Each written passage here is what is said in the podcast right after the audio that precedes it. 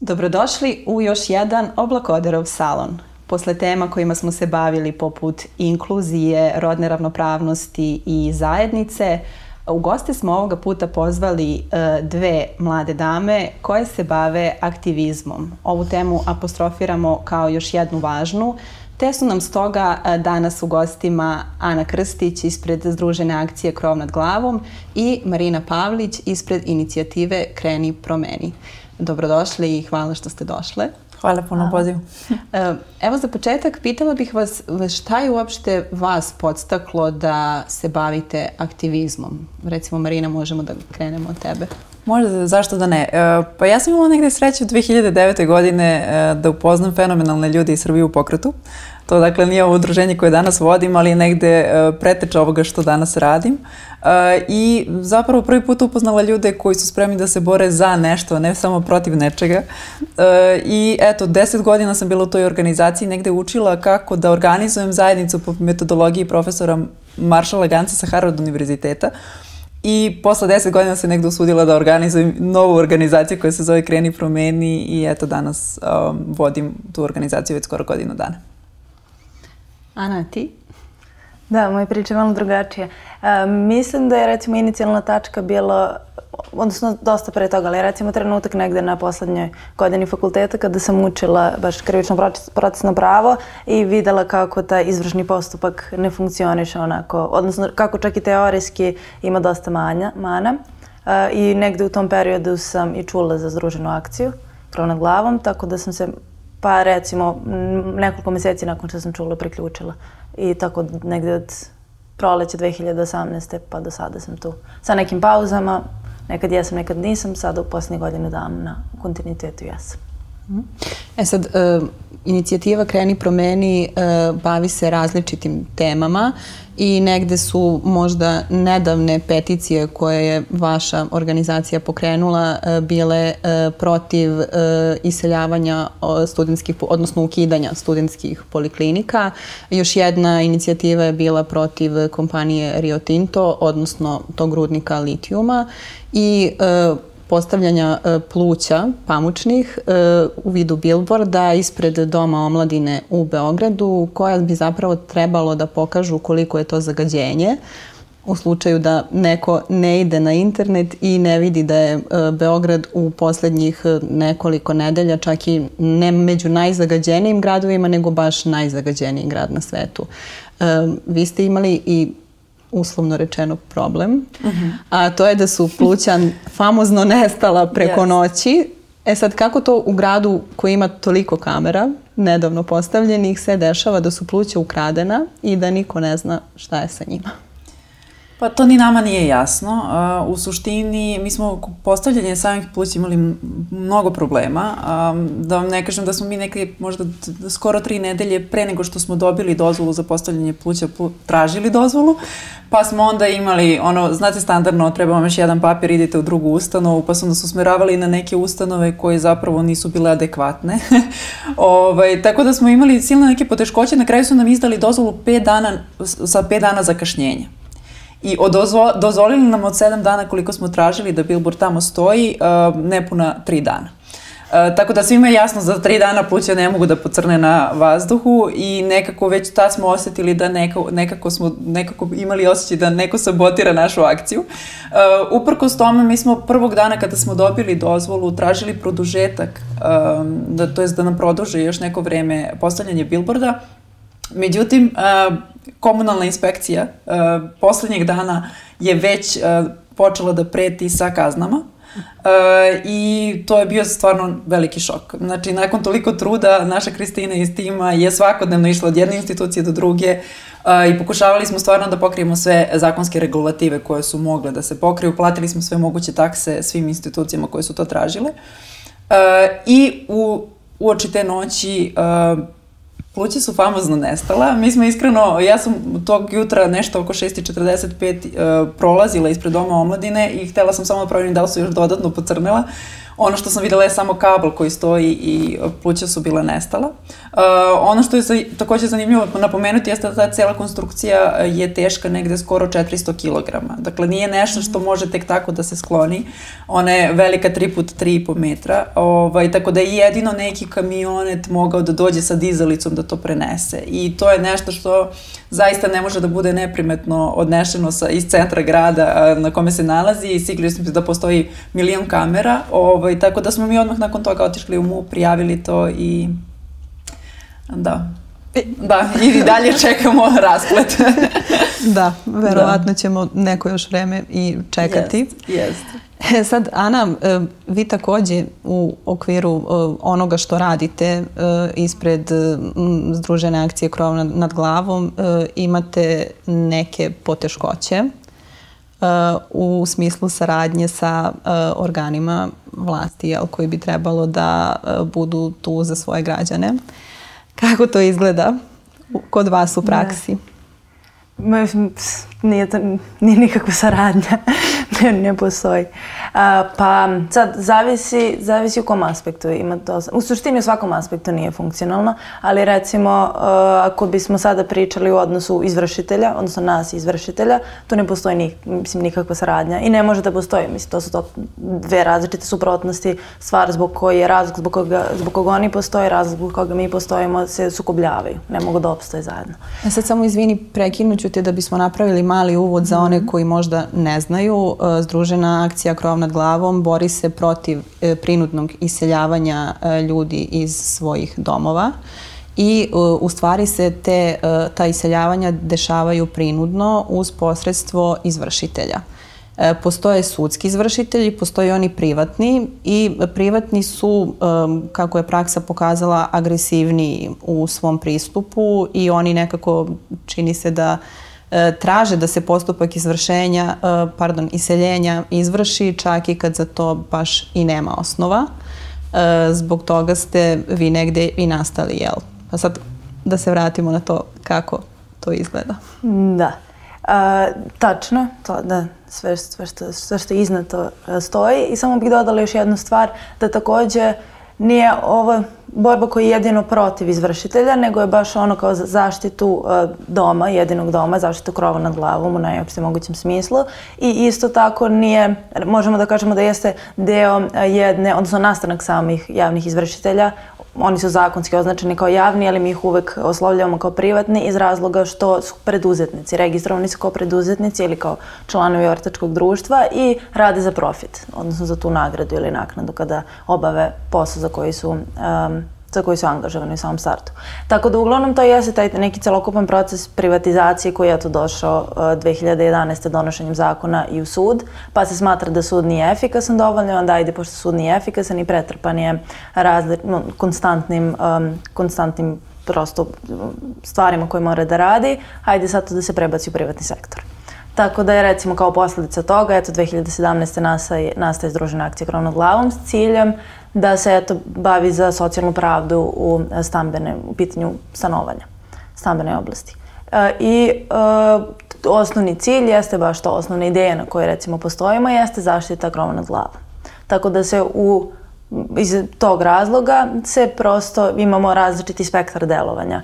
Od direktnog kontakta, odnosno to je prvi direktni kontakt sa ljudima koji su ugroženi i kojima sledi uh, izbacivanje ili potencijalno izbacivanje iz uh, stanova, kuća i onda se trudimo da sa njima stupimo u kontakt, da vidimo kako možemo da pomognemo, da vidimo da li možemo da komuniciramo sa institucijama ili da ih na neki način ako izvršimo pritisak na njih da bi delovali tamo gde ne deluju. Uh, i u, kao krajnja linija odbrane jeste baš to što se pojavimo na samom iseljenju i što, se, što radimo na tome da ljudi ne, ne budu izbačeni iz svojih domova. Na taj način kupujemo i vreme kako bi, ali oni paralelno uvek vode i neke dugotrajne sudske postupke. Da, i ta kupovina vremena se zapravo čini ključnom u tom vašem delovanju. Vratit ćemo se malo kasnije i na to. Um, kreni promeni, mm -hmm. e, osim peticija koje su mnogobrojne i koje ljudi zaista potpisuju u, u velikom broju, e, deluju i e, nekim protestima i sličnim aktivnostima. E, koliko vam je teško možda da sada u vreme korone organizujete tako nešto, s obzirom na to da se više od 50 ljudi e, ne, ne sme okupiti na jednom mestu. Pa da, to definitivno predstavlja izazov, ali uh, ne predstavlja preveliki izazov, kako da kažem, zato što postoji veliki broj ljudi koji žele da podrža neku temu uh, i mi imamo različite mehanizme kako možemo da izvršimo taj pritisak. Jedan od načina je bio kada smo slali uh, mailove na Ministarstvo za obrazovanje, recimo u jednom trenutku. Znači, mi smo tada imali situaciju gde Ministarstvo tvrdilo da mailove ne, ne prima, a s druge strane su zvali uh, ljudi iz Kreni promeni i rekli hoćete li prestati da šaljete te mailove, ne možemo da radimo. Tako da to je svojevrstan pritisak gde je njima stiglo preko 2000 mailova u roku od 24 časa i mogu samo da zamislim haos u administraciji te ustanove. Tako da mi imamo te neke kreativne akcije kako možemo da uradimo i to ne mora nužno biti uh, znači, uživo, kako da kažem offline. Um, tako da u suštini um, mi organizujemo veliki broj tih online akcija. Znači dešavalo nam se da imamo te neke brze reakcije kada smo zvali to naše članstvo, znači mi imamo sad oko preko 250.000 ljudi koji su subscribe-ovani na, na naše e-mailove i onda mi kada se nešto dešava, kažemo ako hoćete da reagujemo, možemo da pošaljamo poruku ili možemo da utičemo na nekoga i prosto organizujemo i na taj način akcije. Ali naravno, uživo akcije su uvek najdivnije na svetu i pokušamo da budemo što kreativniji tu, ali često je dovoljno i da samo par ljudi pošalje poruku dovoljno jaku i da napravimo promenu. To je svakako jedan dobar da. primet kako online aktivizam može da deluje. E sad, e, Ana, vratila bih se na to. E, pomenula si da su se ti famozni izvršitelji pojavili 2011. godine I e, otprilike se tada od negde u javnom diskursu e, oni gledaju kao neki ljudi i tako su to svi mediji preneli, e, zbo, zahvaljujući kojima će recimo radnici e, moći da naplate svoje zaostale plate koje nikada nisu dobili zbog nekih raznih razloga. E, međutim, primećujemo da nekako u praksi to baš i nije tako i da više dolazi do ovih slučajeva upravo o kojima se vi bavite, a to su ta prinudna iseljavanja, nego zapravo pomoć socijalno ugraženom stanovništvu. Da, to je definitivno tako. Um, baš, baš u suštini manjkavost, u stvari velika, velika je manjkavost same profesije izvršitelja, ali da kažemo da je jedan deo toga jeste da samo da bi se pokrenuo sam postupak treba da se da određena svota novca koji se zove predujam, koju znači u samom startu taj, taj neko koji izvršni poverlac koji nešto traži ili zahteva od nekog drugog mora da ima sredstva. Tako da ako bi se sam zakon tumačio čisto onako na neku teorijsko-pravnom okviru, videli bi se manjkavosti. Kada se ima u vidu situacije u kojoj živimo, koja postoji već decenijama nazad u Srbiji i tako dalje. Tako da čak i kada dođe do toga da skupe se, na primjer, radnici, imaju sredstva ili jedan radnik svaki, svaki za sebe, imaju sredstva da podnesu za taj predujem kako bi izvršitelji mogao da odlučuje, onda na kraju oni nisu i toliko zainteresovani za takve postupke, ali na drugoj strani jeste neka strana koja je jača. Na drugoj strani je neko preduzeće, na drugoj strani je vrlo često preduzeće koje je u procesu restrukturiranja, odnosno u stečaju, tako da nema sredstva, pa neko drugi je možda vlasnik koji je u tom procesu privatizacije kupio to preduzeće pa sad duguje nešto radnicima. Tako da i tu je zapravo ta ideja ono o čemu pokušavamo takođe sad da razgovaramo jeste ta ideja duga i što on sam po sebi predstavlja. Dug kao nešto što smo konstantno učeni da mora da se plati, ali onda je pitanje ko je kome to dužan. Kada je država dužna radnicima ili građanima, onda nema veze. To se ne plaća. Ali ako je sa druge strane neko ko nije u poziciji da to plati, opet ne svojom krivicom, dužan, onda će ta osoba biti izbačena ili potencijalno izbačena iz svog doma. I tu zapravo postoji više slučajeva kad pričamo o tim dugovanjima. To može postojati kao neke neplaćene rate za određene račune, recimo Infostan se tu pominje kao najčešći. E, postoji varijanta u kojoj je ta osoba uzela kredit recimo od banke pa ga nije isplaćivala i postoji opcija gde su i investitori e, krivi jer su zapravo prodavali dvostruko, trostruko, petostruko stanove i kako se to onda dešava? Pa postoji, da, pored tih postoji recimo pre nekoliko meseci smo baš radile kampanju gde smo pokušali da mapiramo najupečatljivije uzroke iseljenja kojih smo, sa kojim smo se mi susrali i bilo je više od desetak. Tu su različite stvari. Pored ovoga što si navela može da bude ono što famozno treće lice. Mm -hmm. e, pored toga što je dvostruko prodaja stanova, jeste neko koji je kupio ili kupila stan od e, investitora vlasnika, ali se nije uknjižio, što onda podrazumeva da nije vlasnik, nije zakonski vlasnik, nego ima neku takozvanu vanknjižnu svojinu i onda ukoliko je taj prethodni vlasnik, recimo investitor, ima određena dugovanja, ta osoba će biti izbačena, odnosno novi vlasnik, to neko treće lice, će biti izbačeno iz stana. To ima nekoliko situacija sa kojima smo se mi susretali. Mm, tako da u tom trenutku čak i ne postoji nikakav dug, jer onaj ko se nalazi u stanu nije dužan nikome ništa. Tako je, on je svoj stan platio. Da, da. Na, ista takva situacija, baš u tom procesu, eto, tranzicija, uh, kada se vraćaju stanovi starim vlasnicima, uh, dolazi do toga da prosto zaštićeni stanari ili ljudi koji su decenijima živjeli tim stanovima nemaju obezbeđen alternativni smeštaj. Iako bi trebalo da imaju prema, na osnovu odluke grada Beograda, tako da oni bivaju izbačeni, stanovi se vla, vlaćaju prethodnim vlasnicima, pa sad nek se oni tuže ili nek se sa ulice brane i nek uh, um, zahtevaju svoje prava i nekih dokazuju. Tako da ima, evo, ovo su neke situacije koje smo naveli, ima ih još dosta, ali eto recimo ove su negde koje ne postoji taj dug u smislu koji kažemo ne, nisi platio, nisi platila nešto, dug za struju, za komunalije, zbog toga mora da budeš izbačena. Ili nisi platila ratu za kredit. Jer jeste i pitanje zbog čega neko nije platio. To je jedno pitanje koje se ne postavlja. Zašto je neko u situaciji prvo da mora da uzme kredit, drugo ko uzima kredit, ko može uopšte da ga uzme, a treće zašto, kako se neko nalazi u situaciji ne jedna, dve, pet osoba, nego je jako veliki broj ljudi u Srbiji i šire, koji se nalazi u situaciji da ne mogu da, da plate taj neki dug koji su pre toga morali da uzmu zato što su opet bili u situaciji gdje nisu mogli da žive bez njega. To je jedan tako začarani krug. Da. I e, to bih voljela da možda objasniš ti svakako bolje nego ja mm. uh, absurdnu jednu situaciju gde uh, ljudi ne mogu da budu iseljeni zbog komunalnog duga koji i nije veći od 5000 evra, a u praksi taj slučaj nije zabeležen jednom, pa ipak je takav zakon donet. Zbog čega? Pa mi smatramo da je donet zbog pritiska sa naše strane, pa su oni, uh, ono što tvrde izvršitelji iz komune izvršitelja, da su na taj način iz, još nekim odredbama napravili da zakon bude više socijalan, što je naravno besmislica. Uh, baš iz razloga koji si rekla. Tako Jer da kako to uopšte služi... dođemo recimo do duga od 5000 evra za struju?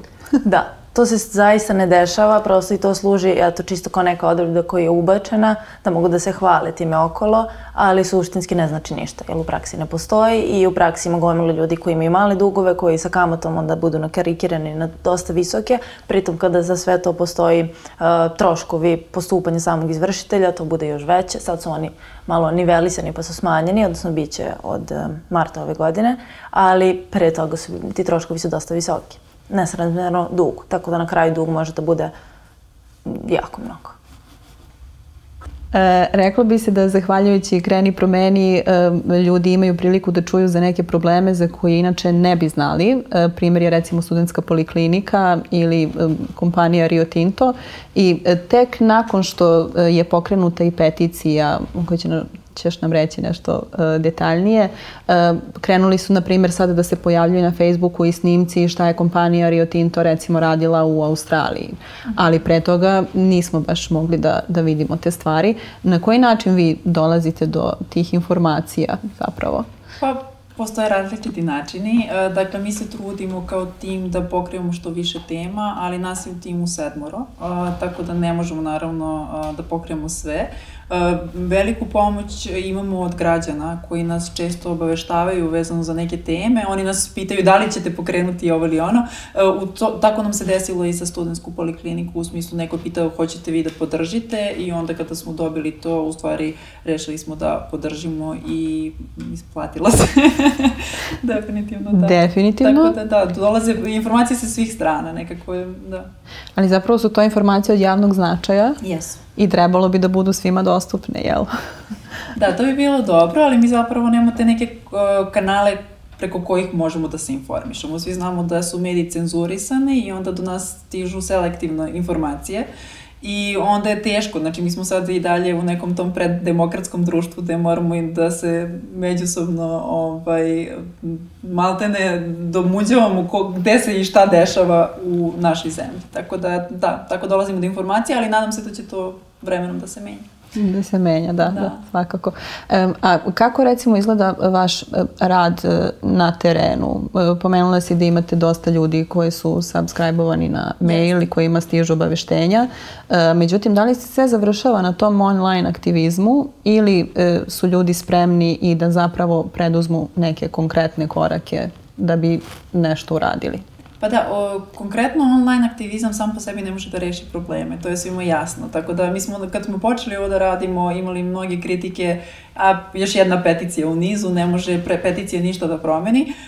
Međutim, peticija nije sve. Znači, da biste napravili dobru peticiju, morate da imate jasnu strategiju gde ste pošli i šta je konkretna promena koju tražite. Dakle, mi uvek insistiramo na tim vrlo konkretnim promenama i razmišljamo ko su zapravo ljudi koji tu promenu mogu da izvrše. Tako da, uvek je usmerena neko vrlo, vrlo konkretnog donosioca odluke koji ima moći da napravi tu promenu, ukoliko mi to od njih, od njih tražimo. E, tako da, mislim da je ta strategija u stvari ključ s jedne strane, a s druge strane, kada se skupe potpisi, oni sami po sebi opet ne rade ništa. Znači, mi možemo da predamo institucijama, ukoliko ne izvršimo neki dodatni pritisak, te, ti potpisi završavaju u fiokama. Tako da, e, neophodno je da nakon toga e, usledi niz akcija kojima će se podići u stvari u javnosti pritisak i uopšte svest ljudi, to je ono o čemu smo pričale, ljudi su neinformisani. Znači, nekad je dovoljno da samo ljudi znaju o čemu se radi da bi reagovali. Tako da negde trudimo se u stvari na neki kreativan način preko akcija da dopremo do što većeg broja ljudi da, ako ništa drugo, budu informisani. da. Jasno. Ana, jel se vama isto ljudi javljaju ili uh, ipak to ne rade baš tako rado? Pa da, javljaju nam se. Mi zapravo imamo tri kanala komunikacije za, na koje ljudi mogu da nas kontaktiraju. Pored Face i maila postoji telefon koji funkcioniše svakog dana od 5, svakog radnog dana od 5 do 8, tako da svakog dana dobijamo pozive. Nekim trenucima sada recimo malo manje, ali nekada se dešava, pogotovo kada je bio vanredno stanje, da smo bili prebukirani. Nemamo dovoljno kapaciteta, istrpljeni smo od svega i onda ne znamo na koju stranu ćemo pre. Ali da, u suštini se ljudi direktno javljaju sa problemima, koji su malo drugačija vrsta aktivizma, tako da se javljaju direktno sa problemima koji nji, koji, u kojim se oni nalaze. I onda od tih pojedinačnih problema trudimo se da napravimo neku solidarnu mrežu podrške gde će zapravo ljudi vidjeti da nisu oni jedini koji se nalaze u takvoj situaciji, nego ih ima mnogo. I da vide šta ih tu povezuje na tom, u tom nekom smislu. I kako možemo da se izborimo zajedno s tim, odnosno protiv toga protiv toga, jasno. E, međutim, vi u toj vašoj borbi e, takođe dolazite do problema, a to je da, e, evo recimo kod e, slučajeva tog prinudnog iseljavanja koje ste vi sprečili e, fizičkim prisustvom u datom trenutku, e, sada zbog toga imate e, problem Da, sada imamo da, problema nekoliko, ali jedan imamo trenutno se vodi 20 postupaka protiv, krivičnih postupaka protiv naših aktivista u Beogradu i Novom Sadu. Uh, pored toga ima možda 30-ak, jeste, oko 30-ak prekršenih postupaka, a izmenama zakona o izvršenju i obezbeđenju od prošle godine, koji su upili na snagu u januaru prošle godine, omogućeno, da, omogućeno je da se novčane kazne izriču samo na osnovu samog zakona, što praktično jako, jako suža, odnosno jako smanjuje taj sam postupak koji mora da se vodi pred sudom, odnosno u ovom trenutku se ne vodi pred sudom, nego se kazne izriču u samom tom izvršnom postupku. Uh, što je problematično na mnogo nivoa, ne moramo sad u to da ulazimo, ali recimo to je još jedna stvar, odnosno hoćemo samo da skrenem pažnju da je to jedan um, pritisak onako sistemski pritisak koji se vrši na, sam, na nas, na ljude koji su u problemu i na zapravo sve koji se na neki način bave problematizacijom trenutnog sistema u kom živimo. Mm, tako da, da. To je. I pošto si pomenula, ovo svakako jesu sve sistemski problemi. E, recimo još jedna stvar koja se dešava kod tih prinudnih iseljenja, e, a recimo posledica su e, toga da stan recimo se vraća prethodnom vlasniku, tim nekim procesom uh, koji je jel, posledica uh, komunističkog režima. Uh, tim ljudima dalje nije obezbeđen životni prostor. oni se isteruju na ulicu. Tačno, da. Znači, ljudi koji su pre toga živeli, koji recimo u nekim situacijama imaju za, um, status zaštićenih stanara, bivaju izbačeni. To je ono baš što sam spomenula, da postoji odluka grada Beograda od pre nekoliko godina gde oni moraju da reše problem ljudi koji su decenijama pre toga živeli tu. Tako da, ok, da, sa jedne strane postoji, um, mislim, nalazimo se u takvom sistemu, tako da postoji da, to privatno, privatno vlasništvo, a sa druge strane postoje ljudi koji ostaju bez doma i onda sad imamo prosto ako se na, na dva tasa vage nalazite da li je privatno vlasništvo preče od doma, nije i ne sme da bude. A, tako da je totalno, ne, taj, taj, taj odnos je apsolutno neregulisan. Regulisan je pravno, ali faktički on ne postoji. Ne odbije se onako kako bi trebalo. Tako da da, odgovor jeste ljudi bi onda bili izbačeni na ulicu, pa kud koji, kako se ko snađe. Da, da se vratimo sada e, na vaše akcije i stvari e, kojima se bavite. E, koja je recimo vaša akcija prošla najuspešnije, odnosno naišla na najveći odziv građana? Pa sad, koja je najviše? Možda Možda najviše ljudi okvirno, mislim da smo i najveći broj potpisa, preko 112.000, ja mislim, potpisa smo skupili uh, za akciju kada smo pokrenuli, opet je bila vezana za budžet, kao i za inicijativu rešenja zagađenja. Hteli smo da preusredimo sredstva koje su bila namenjena za proslavu novogodišnjih praznika na lečenje bolesne dece. I ono što se desilo, mi smo pokrenuli tu inicijativu u Beogradu, uh, međutim, odmah su počeli da nas zovu iz drugih gradova i pitali da li u njihovim gradovima mogu da se preusmere sredstva. Tako da smo mi na kraju uh, imali, ja mislim, 21 grad uh, koji je pokrenuo tu inicijativu i na kraju se ispostavilo da je 11 nekih različitih zajednica preusmerilo sredstva i mi smo kao rezultat toga imali 20 miliona je bilo zapravo preusmereno lečenje bolesne dece, sredstava koje bi inače otišle verovatno na neke lampice ili na neku muziku koja u doba korone svi znamo da je potpuno bila neprimerena za ove godine. Tako da mislim da da, to je, to je zaista bilo onako organizovano i veliki broj ljudi se ovaj, u istom trenutku nekako i probudio i osvestio problem i imali su zaista želju da doprinesu. -hmm. A na koji način recimo e, doprinose ljudi e, koji su okupljeni ispred inicijative za krov nad glavu? Pa direktnim učestvovanjem ili dolaskom na iseljenje, to bi bilo nekom širem, najširem obliku. Pored toga postoji, mi se sad trudimo da nađemo druge načine na koje, na primjer baš ovo što si sad spomenula, na koje mogu ljudi da utiču, da pomognu time što bi uradili nešto što smatraju da je dobro, pa se kasnije onda potencijalno uključili u sam rad. Ali da, najbitnije jeste učešće, u prosto samu organizaciju. Kako mhm. bismo mogli bolje da sprovedemo sve te stvari, da se da solidarno formiramo, radimo nekim akcijama i da doćemo do nekih rezultata.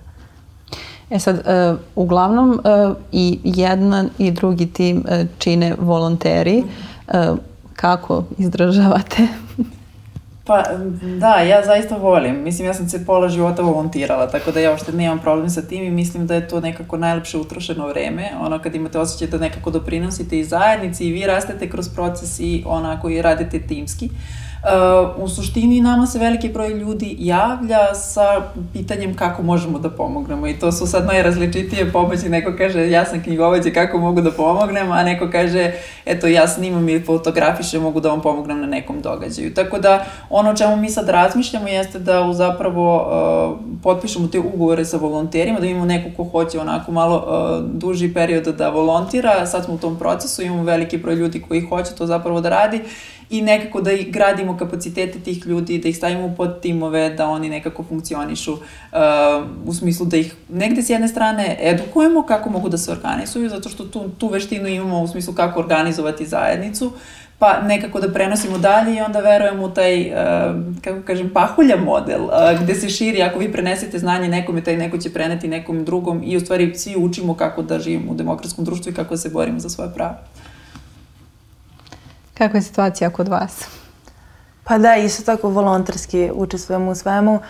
Pa Da, uglavnom tako što formiramo, postoje određene radne grupe, tako da o, ljudi koji žele na različit način da doprinose, ideja jeste da se priključe jednoj od radnih grupa, pa da rade, da li je, je to sad kačenje nekih sadržaja na društvene mreže, da li je kontakt direktno sa ljudima, da li je nešto što su neke operativne stvari, ne znam, referenski rad, što bi baš bio direktan rad, što je najbitnije, reci, definitivno. Direktan rad sa ljudima koji su ugroženi ili koji su u situaciji da će e, im izvršitelji kucati na vrata, tako da ima različitih situacija.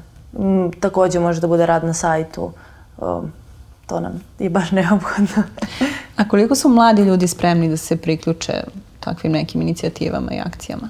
Pa jesu, kod nas je pomešano. Mislim, mi imamo i stariju i mlađu populaciju, ali da, mladi baš žele. Mi imamo neke srednjoškol, mislim srednjoškolce, da oni su već, one nisu još ni fakultet upisali, devojka jedna koja novinarstvo hoće pa piše tako blogove za, za naš sajt. Uh, Uh, zaista žele. Znači oni žele nekako da daju neki svoj doprinos, često im fali to neko kanalisanje da im pomognete kako. Znači u smislu šta, koje su ideje, kako oni mogu da doprinesu i često ljudi ne znaju šta je u stvari ono što od resursa imaju, a svako od nas ima milion i jednu veštinu, milion i jedno neko znanje koje može da upotrebi na neki način. Tako da ja mislim da je tu u stvari najveći problem u tome što se ne bavimo jedni drugima, ne pitamo šta, šta u stvari imamo od resursa i to vreme pre svega. Mislim da je to najvažniji resurs koji svi mi imamo imamo. A ako želite da posvetite vreme za neku temu, mislim da pomognete nekim ljudima, to je, mislim, ne, ne znam šta više od toga može da se da u životu, da. Uh, pa, u suštini, mislim da najviše mladi koji učestvuju jesu studenti, odnosno od tih, negdje 18-19 godina, pa nadalje, ali isto tako raznovrsno, eto, recimo da od tih godina pa do 60-ih imamo 60 nekih ljude koji učestvuju u aktivnostima. Mm, ali mislim Da, u suštini naj, najznačajniji resurs koga sve manje i manje imamo jeste vreme. Tako da je pitanje ko u, kom, u tom trenutku ima vreme, vre, dovoljno vremena, dovoljno kapaciteta da se posveti uh, nekoj borbi koja prosto traje. Um, tako da mislim da u tom smislu studenti imaju najviše vremena u tom trenutku, ali imaju gomilu stvari sa kojima moraju uh, da se bore. A opet sa druge strane neko ko je onako malo stariji i dalje u 20-ima, takođe ima vremena, ali ima posao, ima prosto preživljavanje, obezbeđivanje materijalnih uslova, tako da da, u stvari obezbeđivanje više vremena daje mogućnost ljudima da se angažuju. Mislim da je ta, ta, tako ide. E sad, e, čini se nekako da e, sve više e, postoji novih inicijativa i otprilike taj neki broj inicijativa srazmeran sa brojem problema koji se javljaju. E, koliko je važna recimo međusobna saradnja svih tih inicijativa? Sa kojim recimo vi inicijativama još sarađujete? Pa jako važno, da, mi baš um, sarađujemo sa mnogima. E, evo, na primjer, za, u kampanji rešenja za zagađenje e, sarađujemo sa oko 10 e, ekoloških organizacija. Znači, tu su Beogradska otvorena škola, Novi put, Ekostraža, Znači, mnogi, mnogi, znači, suština je u tome da mi kao kreni promeni, mi se bavimo organizovanjem i podsjećanjem građana da prave promene. Znači, mi nismo eksperti u svakoj temi, niti možemo da budemo, niti to želimo. Tako da, u suštini, naravno, da je, mislim, da, da je vaša organizacija neko koja je ekspertska u toj temi, da ne možemo da pokrećemo te teme, ali smo vrlo voljni da podržimo ukoliko je neka inicijativa, ukoliko ide u pravcu neke sistemske porobene, kogod da poželi može preko naše platforme da se javi i da nekako zajedničkim snagama, znači s jedne strane mi organizujemo građane, s druge strane nekako vodi neku temu i vrlo smo otvoreni da ti ljudi koji zapravo vode te teme potpisuju te peticije i stoji iza njih, kako da kažem, nekako stvarno nam trebaju ljudi koji se razumeju u teme i mi kad se i bavimo nekom temom, uglavnom angažujemo eksperte da nam kažu o čemu se tu radi, pošto uglavnom nemamo sve informacije, naravno, pre nego što počnemo da se bavimo temom. Jasno. A, a recimo vaša inicijativa sa kim sarađuje? Um, pa mi smo i članovi nekih različitih koalicija. Jedna je ovde lokalna, zajedno sa Ko gradi grad, Ministarstvo prostora i slične organizacije, A11 takođe. Takođe smo deo Evropske akcijne ko koalicije, ona objedinuje organizacije koje se bave baš stambenim pitanjem na nivou cele Evrope, Evropska unija i van. Onda smo deo još neke, isto tako međunarodne inicijative. Tako da uglavnom zavisi, može nekad i od konkretne situacije da bude. Ili prosto konkretne ideje koje imamo u određenom periodu da se razvija, pa da onda tada ili mi stupamo u kontakt sa nekim organizacijama ili oni stupe u kontakt sa nama. Češće je bilo da oni stupe u kontakt sa nama, ali se trudimo da sad to isto promenimo. Pa da prosto formiramo tako neke koalicije koje se bave istim sličnim stvarima i baš to, imaju različiti ugao posmatranja. Na taj način možemo i više, uh, više uh, neki bolji ishod da postignemo. Mm a evo reci mi sad e, koliko uopšte vi možete da planirate neki rad i neko organizovanje jer čini se da e, sa, za neke probleme saznate danas kada je već možda, kad će već možda sutra biti kasno da se reaguje u tom smislu koliko reagujete ad hoc, a koliko imate vremena za planiranje nekih određenih akcija? Pa dosta delujemo ad hoc, baš ono danas do sutra ili od ove nedelje za sledeću, ali postoje, mislim da sada posle to, ovo je već četvrta godina delovanja same organizacije, da smo stvorili, stekli utisak kako šta funkcioniše, na koji način se razvija, pogotovo i što imamo i iskusnije ljude u reda u svojim redovima, tako da otprilike možemo da predvidimo da za neke stvari mora da postoji organizovani period i da radimo na tome, da recimo imamo neku vrstu kampanje ili neke ideje kojima se, neke teme kojima se bavimo u narodnih šest meseci ili godinu dana. To je takođe, tako da može da se balansira jedno i drugo, kapaciteti su i vreme je uvek pitanje koliko toga ima. I pomenuli smo na početku razgovora negde kao jako bitnu kupovinu vremena uh, u tim vašim akcijama. Da li možeš na jednom primeru recimo iz prakse koji ste imali da nam objasniš zbog čega je to značajno? Mm, hm.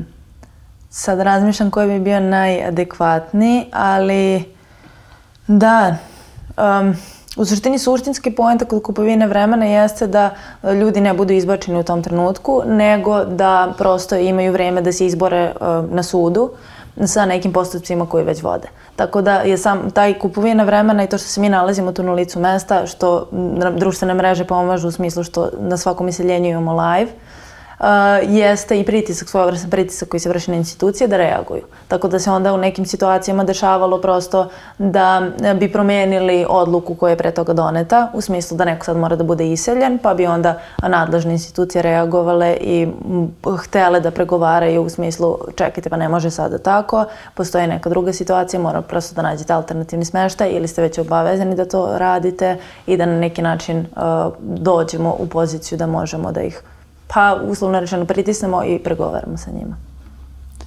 A kakva je situacija kod vas? Da li vi imate vreme za planiranje ili baš i ne? Pa nekad je teško, da. Ovaj, nama se desilo baš prošlo, pre, ne znam, nekoliko nedelja, imali smo situaciju da je Prirodnjački e, muzej su hteli da zatvore i mislim da nam je to bila najefikasnija akcija ikada. Znači, u samo 22 časa od kada smo pokrenuli akciju, skupljeno je 15.000 potpisa i znači izvršili smo dovoljno veliki pritisak da su oni povukli, da su se povukli i rekli da neće biti zatvoran. To se naravno desilo neposredno nakon a, studentske poliklinike, tako da su verovatno osetili da postoji taj mehanizam gde bi taj, taj broj verovatno skočio kada su videli da je 15.000 u 22 časa, verovatno su rekli kao ajde da to stopiramo. Tako da imamo te situacije um, u kojima moramo brzo da reagujemo. Slična situacija nam se desila kada je COVID krenuo. Um, ne znam da li se sećate, ali u jednom trenutku su rekli da uh, nema izlazaka nakon uh, 5 sati. Uh, do 5 sati ujutru, što je predstavio ogroman pritisak na um, vlasnike kućnih ljubimaca. Dakle, oni nisu imali mogućnost da svoje uh, kuće šetaju um, uveče u večernje šetne, svi znamo da ne mogu da izdrže fiziološke potrebe toliko dugo. Uh, I mi smo pokrenuli peticiju za te večernje šetnje, 68.000 ljudi je potpisalo u svega nekoliko dana. Znači, u jednom danu je bilo 30.000 potpisa. To je stvarno onako odmah reakcija građana na neku nepravdu i odmah nakon toga, ja sećam da taj dan su dolazili iz neke televizije da kao držim intervju, nakon toga je predsednik rekao kao ne, sve će kao, kao ljubimci mogu da se šetaju, uveden još jedan termin, tako da u suštini stvarno te brze reakcije su važne, ali onda je jako teško napraviti brzo strategiju u kom pravcu, kako napraviti uopšte, ali dobro, vežbali smo to, vežbali smo, trudimo se, ne, ne mogu da kažem da smo uvek uspešni u smislu da, da, da na dobar način to formulišemo, ali, mislim, kao što si rekla, znači imamo toliko problema, tako da će non stop doći neki novi izazovi, samo je poenta da iskoristimo taj moment i da napravimo nešto od toga. I da istrajete u tome, da istrajete tome pre svega. Ne, ne. E, I tu dolazimo do još jednog problema, a to je zapravo e, finansiranje, jer za brojne akcije su potrebna i određena finansijska sredstva. E, na koji način vi e, funkcionišete? Da li su to neki projekti ili e, donacije ili šta je posredi? Da, ovaj, pa to je ogroman problem. Mi smo u stvari kao neformalna grupa pre nego što smo zvanično postali Kreni promeni u, u aprilu prošle godine preko godinu dana je taj tim funkcionisao zajedno sa nula dinara budžeta. Znači, na sedmoro je bilo onako malo ne svakodnevno u akcijama, mi smo imali dalje tu peticije stranu, nekako smo se trudili da nekako funkcionišemo. Um, I nakon nekog tog perioda mi smo tek u junu prošle godine uspeli da nekako dođemo do kancelarije, da imamo neki svoj prostor da možemo to da obezbedimo. E, I imali smo sreću da su nam prošla neka dva projekta u prošloj godini, e, inostrana u smislu totalno različita neka dva i na osnovu toga smo uspeli nekako da opstanemo. Međutim, to je stvarno neodraživo, zato što ja kao neko izvršni direktor stalno nešto tragam za tim projektima, mislim, to je, to je nekako uh, kao borba sa vetrenjačama. Mislim, u tom smislu nikad ne znate kakva će reakcija da bude, da li je ta ideja koju ste poslali u etar nešto što je u skladu sa interesima donatora i nekako ne želimo njih da zavisimo suštinski, zato što kad god imate nekog donatora, postoje neka očekivanja kako hoćete, kako treba da formulišete uh, vašu ideju, mi nekako želimo da radimo ono što nam se radi. Tako da ako se to poklapa sa donatorima, poklapa se, ako se ne poklapa, mi ćemo to svakako raditi sa ili bez novca. Ovaj, tako da ono što smo pokrenuli uh, ove godine jesu te male donacije i negde računamo ako hoćemo da budemo servis građana na neki način, da stvarno i građani ako cene to što radimo mogu da doprinesu uh, sa 50 dinara, 100 dinara, potpuno to kada je veliki broj ljudi i svako doprinese po malo, možemo te onda, na primer, akcije da iskoristimo. Mi smo u stvari billboard koji smo napravili drugi dobili zahvaljujući donacijama građana. Tako da je ono kao zaista veliko hvala ono svim ljudima koji su učestvovali zato što bez, bez njih zaista ne bismo uspeli, na primer, to da izvedemo. Kakva je situacija kod vas? Pa zapravo baš to, pogotovo u prethodnim periodu, prethodnih godine dana, bilo je baš dosta donacije građana. Uh, uh, i u toku vanrednog stanja i kasnije. Tako da mislim da je to najznačajniji uh, izvor koji imamo i dosta je bitan baš iz tih razloga da prosto i ljudi um, imaju, odnosno da vide kako, sva, kako stvari funkcionišu i da mogu na neki deo, na nekom nivou i da pomognu da doprinose tome.